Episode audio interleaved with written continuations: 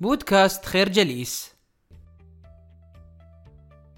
بعد بلوغه سن الثانية والأربعين اتخذ أحمد الشقيري قرارا بأن ينعزل في خلوة امتدت لأربعين يوما.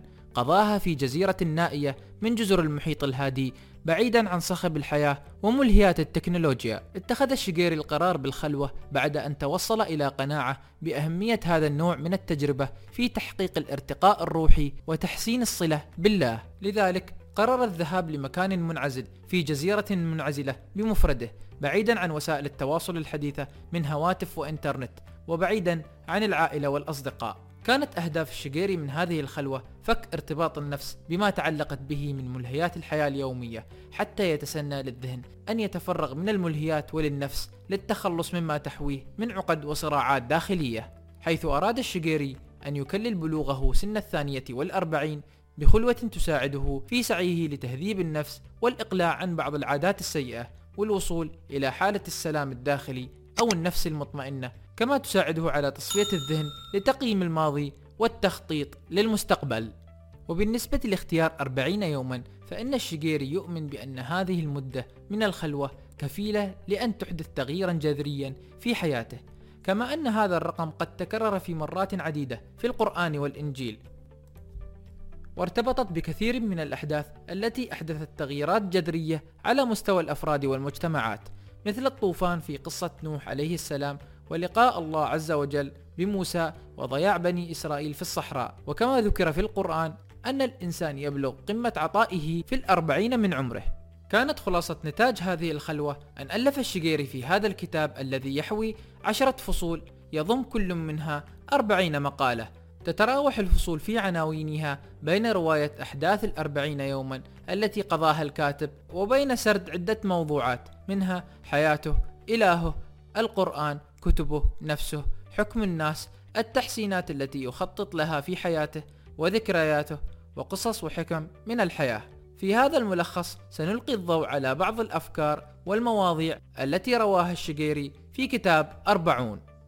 الفكرة مثلما يتم إرسال جهاز الحاسوب إلى خلوة الإصلاح للتخلص من الفيروسات فإن الخلوة للإنسان هي بمثابة إعادة تهيئة النفس ومعالجتها.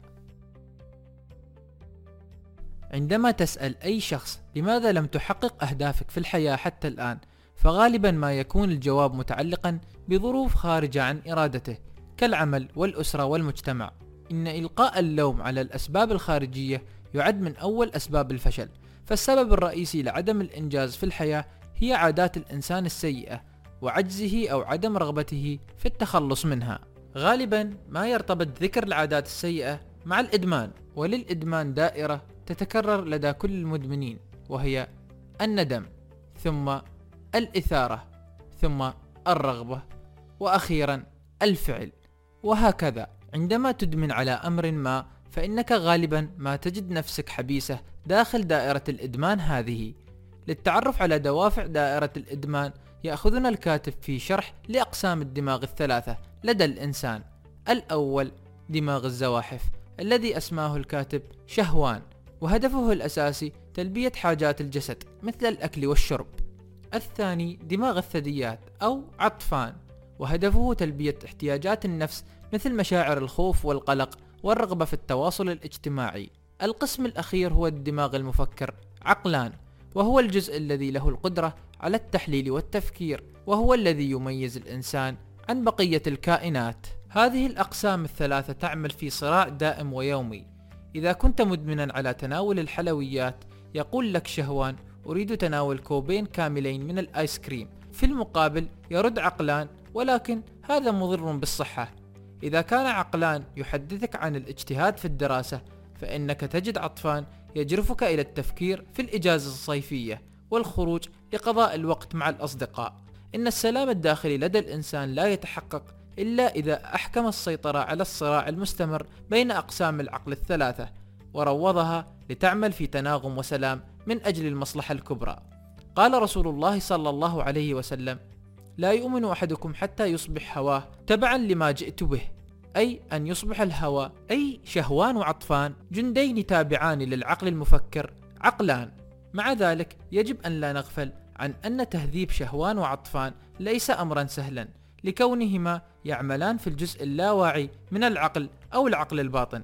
وهو الذي تصعب إعادة برمجته وتدريبه إذا اعتاد على أمر ما. مفهوم قوة العقل الباطن مفهوم مثير للانتباه. تحدث عنه الكاتب جوزيف ميرفي في كتابه قوة عقلك الباطن الذي تحدثنا عنه في حلقة سابقة. يذكر لنا أحمد الشقيري كذلك بعض الأسلحة التي يجب أن يتزود بها عقلان لكي ينتصر ويتسيد أهمها العلم.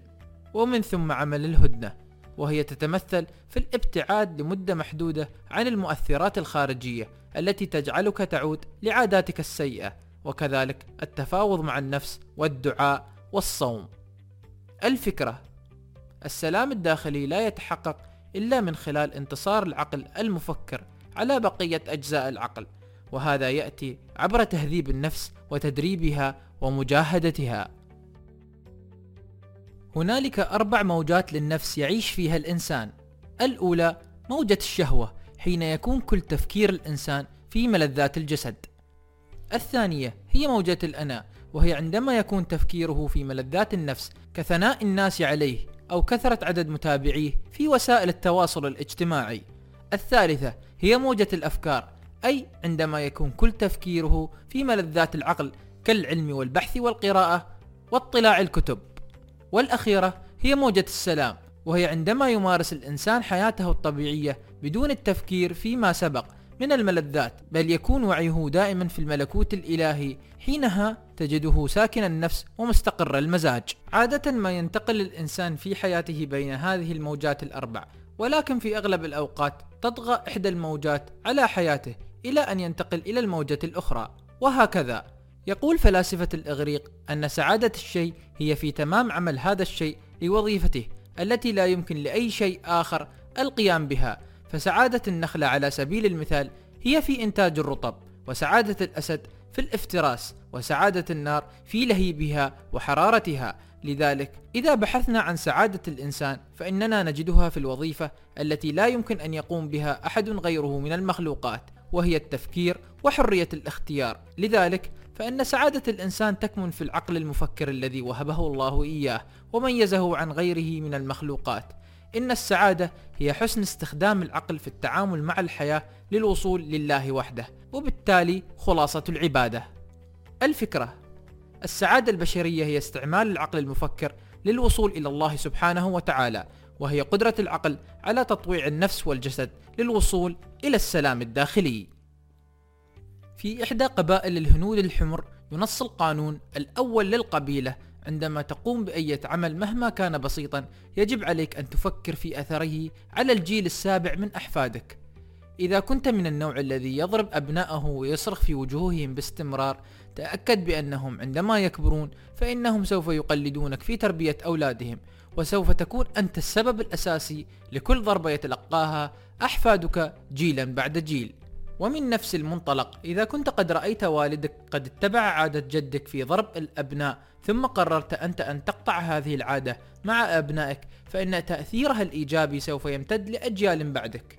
هذا مفهوم مبشر ومخيف في آن واحد فهو مبشر للمحسنين الصالحين ومخيف لمن يسيء العمل.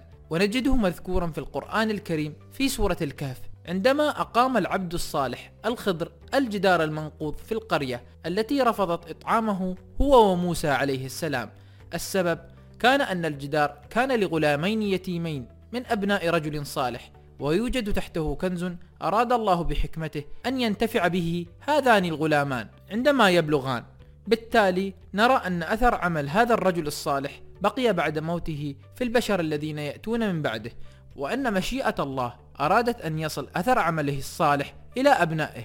حتى أن بعض الروايات تقول بأن الأب في هذه القصة هو في الحقيقة الجد السابع للغلمان. الفكرة نحن نعيش في حلقة متصلة مع جميع البشر ممن سبقونا ومن سوف يخلفونا. فكما تدين تدان. نشكركم على حسن استماعكم. تابعونا على مواقع التواصل الاجتماعي لخير جليس. كما يسرنا الاستماع لآرائكم واقتراحاتكم.